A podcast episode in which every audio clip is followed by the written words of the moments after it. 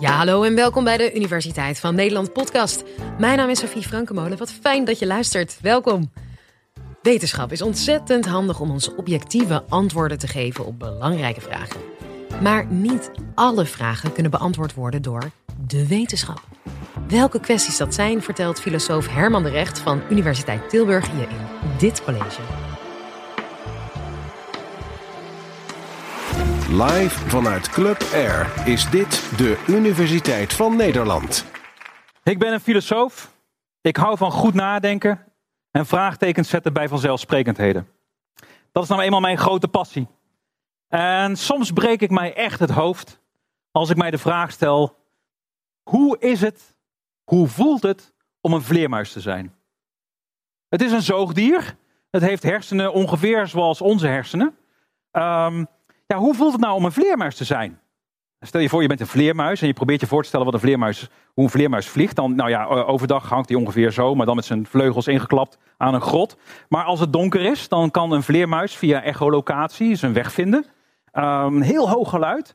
Um, laten we gewoon eens kijken of het ons lukt om ons eh, voor te stellen hoe het is om, een, ja, om zo'n vleermuis te zijn. Laten we net doen alsof we vleermuizen zijn. We horen dan onze eigen echolocatie natuurlijk.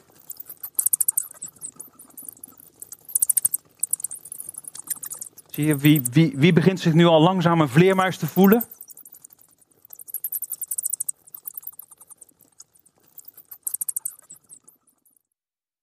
Hoe voelt het om een vleermuis te zijn? Wat we nu hebben gedaan, is eigenlijk het volgende. We hebben ons niet voorgesteld hoe het is om een vleermuis te zijn. Wat we hebben gedaan is, we hebben ons voorgesteld hoe het is om als mens je voor te stellen hoe het is om een vleermuis te zijn. Dus weten we nog steeds niet hoe het is om een vleermuis te zijn. Sterker nog, en dat is precies het punt, we zullen nooit weten hoe het is om een vleermuis te zijn. Diep filosofisch inzicht. Waarom niet? We zijn geen vleermuis.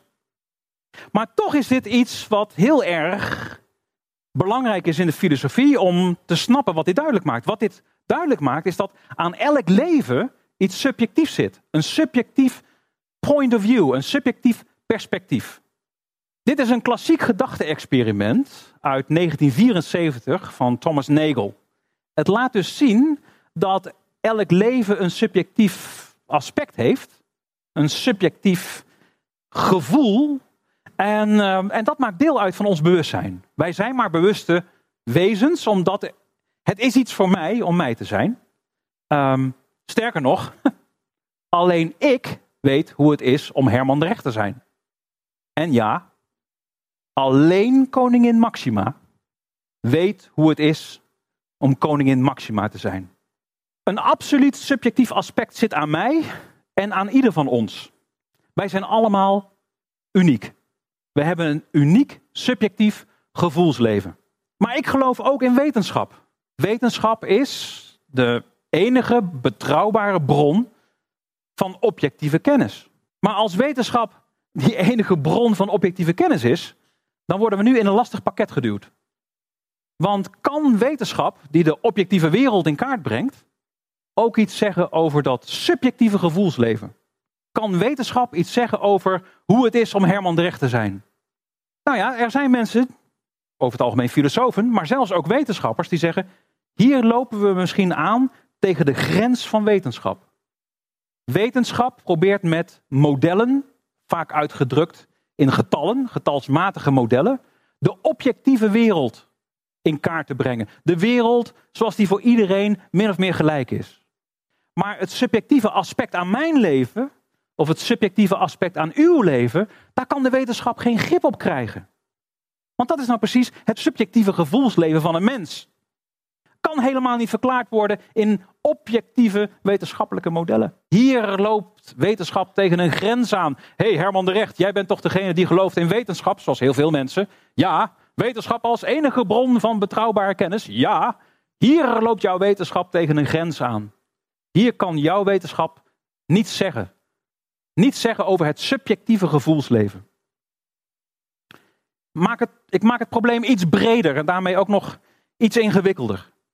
Wetenschap lijkt niets te kunnen zeggen over hoe het voelt om te kiezen, een vrije wil te hebben. Wetenschap lijkt niks te zeggen over hoe het voelt om pijn te lijden. Wetenschap lijkt helemaal niks te zeggen over hoe het voelt om mij te zijn en een identiteit te hebben. Die subjectieve aspecten aan mijn leven maken er juist dat ik bewust ben. Maar wetenschap, al buigt de wetenschap zich al eeuwen over die vraag, heeft geen antwoord op de vraag: hoe komt het dat dit lichaam deze subjectieve gevoelens heeft? Als je als wetenschapper een antwoord zou kunnen geven op die vraag, dan heb je de moeder aller Nobelprijzen gewonnen. Dit is een cruciaal probleem voor de wetenschap. Ik, ik, ik begrijp dat het heel erg moeilijk is om dat meteen te vatten. Ik ga ook proberen om dat duidelijker te maken wat hier het probleem is. Een van de punten om, daar, om, om daarmee te beginnen is, um, stel je voor dat ik met een hersenwetenschapper spreek. Dan vraag ik dus niet aan de hersenwetenschapper om aan mij uit te leggen hoe als ik mijn teen stoot, die prikkel door mijn lichaam gaat en weer terug naar mijn teen, zodat ik daar de pijn voel. Dat weet ik ook wel. Geweldige prestatie van de wetenschap. Wat ik wil weten is het volgende. Ik hoop dat u inmiddels gevoelig bent voor, voor dat probleem. Wat ik wil weten is, hoe komt het dat die prikkel voelt als pijn? Dat is voor mij, voor iemand die gelooft in wetenschap, een enorme frustratie om toe te geven dat daar wetenschap helemaal niks over lijkt te zeggen. Wetenschap lijkt helemaal niks te zeggen over dat wat ons het meeste boeit, namelijk dat subjectieve gevoelsleven. Haha, Herman de Recht. Hier is de grens van wetenschap. Ik wil dat uh, ook nog een keer illustreren aan de hand van een uh, beroemd citaat van een beroemde filosoof, Ludwig Wittgenstein. Ludwig Wittgenstein was een filosoof die in 1921 een belangrijk boek schreef. Een dun boek, maar een heel belangrijk boek. De Tractatus Logico Philosophicus. Maar wat hij zegt in dat boek is het volgende. Hij zegt, we hebben het gevoel dat zelfs als alle mogelijke wetenschappelijke vragen zijn gesteld, dat dan de problemen van het leven volledig onaangeroerd zijn. Wittgenstein lijkt te suggereren dat, uh, dat er iets is waar wetenschap niet achter kan komen. Hij spreekt hier over levensproblemen, maar misschien zijn de subjectieve gevoelens waar ik het over heb, het voelen van pijn, het, het feit dat pijn voelt als iets, misschien is dat ook wel iets wat niet beantwoord kan worden door de wetenschap. Heeft wetenschap dan eindelijk haar grens gevonden? Um, ik ga nog even wat alledaagse voorbeelden geven om te zien of jullie al een beetje filosofisch gevoelig zijn geworden voor dat rare probleem. Hoe komt het dat die pijnprikkel voelt als pijn? Uh, als ik mijn teen stoot aan een tafelpoot, dan voelt dat anders dan wanneer ik uh, mijn tand stuk bijt op een uh, maiskorrel in de popcorn. Dan voelt dat anders dan wanneer ik een drukkend gevoel op mijn hoofd heb omdat ik de hele dag heb gelezen. En dan voelt dat anders wanneer ik mij heb ingespannen tijdens het sporten en er een bepaalde peesontsteking op, uh, opleeft. Mijn lichaam is natuurlijk niets anders dan een samenstel van atomen. En die atomen die voelen niks. En wetenschap gaat nou juist alleen over die atomen. Niet over hoe het komt dat die atomaire processen uiteindelijk leiden tot zoiets als een ongelooflijk knagend pijnlijk gevoel in mijn kies. Ik wil weten waarom dat soort van fysische processen, waarom die uiteindelijk leiden tot een pijngevoel. Hoe kan dat? Ik besef heel goed dat dat een filosofisch probleem is, maar het is juist een probleem voor de wetenschap om te zien of daar een antwoord op gegeven kan worden. Ik ga proberen om het nog wat duidelijker te maken. En doe een beroep op een van de grootste filosofen die ooit heeft geleefd. Uh, Gottlieb uh, Leibniz. Gottfried Leibniz schreef in, in, ik meen dat het 1714 was, een belangrijk boek, Monadologie. En uh, Gottfried Leibniz heeft geprobeerd duidelijk te maken met welk probleem we hier te maken hebben. En hij zei het volgende. Hij zei, stel je je brein nou eens voor als een enorme molen. Wat kun je doen met een molen? Nou, daar kan je inlopen. Nou, stel je nou het brein eens voor als iets waar je in kunt rondlopen. En ik, Leibniz, ik nodig jou uit om uh, rond te lopen in mijn brein. Mijn brein wordt groter en groter en groter, totdat het het formaat heeft van zo'n prachtige Hollandse molen. En dan zegt Leibniz, loop nou eens rond in mijn brein. Wat zie je dan? Stel dat ik in het eh, Rijksmuseum ben, in, eh, hier in Amsterdam. En ik sta voor de nachtwacht. En ik kijk naar de nachtwacht. En u loopt in mijn brein rond. Ziet u dan de nachtwacht? Nee, het is aardedonker in mijn brein. Als ik ehm, tijdens het klussen, ik ben niet zo'n hele handige klusser, eh, tijdens het klussen weer op mijn duim sla. En ik zeg heel hard, auw.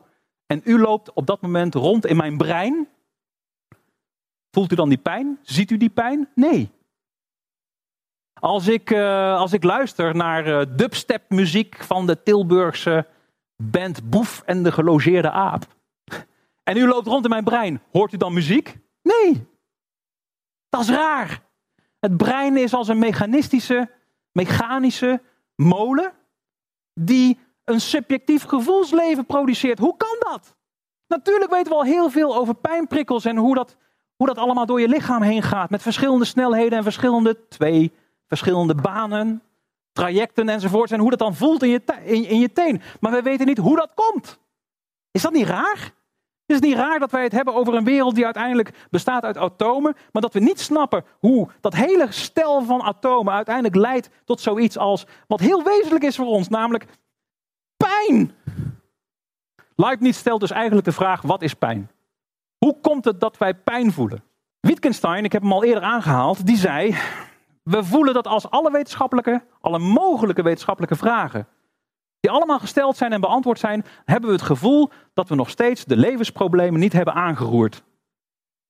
En dit zou zo'n probleem kunnen zijn. Met alle wetenschappelijke kennis die we hebben, snappen we nog steeds niet hoe het komt dat we pijn voelen. Wittgenstein vervolgt zijn citaat met het volgende. Diezelfde Wittgenstein uit 1921 zegt dan: Luister, maar als, als het zo is dat als alle wetenschappelijke vragen alle mogelijke wetenschappelijke vragen zelfs beantwoord zijn. En we hebben nog steeds geen antwoord op de vraag: hoe komt het dat ik pijn voel? Ja, dan is het misschien geen goede vraag. Dan is het misschien inderdaad zo dat wetenschap daar geen antwoord op heeft. Maar, zegt Wittgenstein, als wetenschap daar geen antwoord op heeft, dan hebben we misschien ook geen antwoord. Want wetenschap is toch onze enige bron van betrouwbare kennis.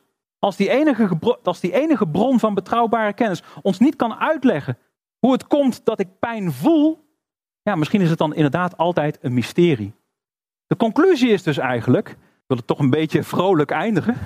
De conclusie is eigenlijk dat als je je probeert voor te stellen hoe het is om een vleermuis te zijn, dat je dan na 15 minuten de conclusie moet trekken dat wetenschap misschien een grens heeft.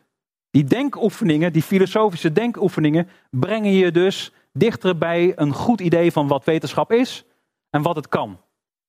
Je lijkt zomaar tegen de grenzen van de wetenschap aan te lopen als je je afvraagt hoe het voelt om een vleermuis te zijn of hoe het voelt om koningin Maxima te zijn. Dat was Herman de Recht. Ik hoop dat je hebt genoten van de aflevering. En wil je nou nog even verder luisteren naar uh, wetenschappelijke dingen? Check dan vooral de rest van onze playlist, want we hebben nog honderden colleges voor je in de aanbieding. En hartstikke leuk, er komen er elke week twee bij. In de volgende aflevering hoor je waarom ongesteld zijn pijn doet.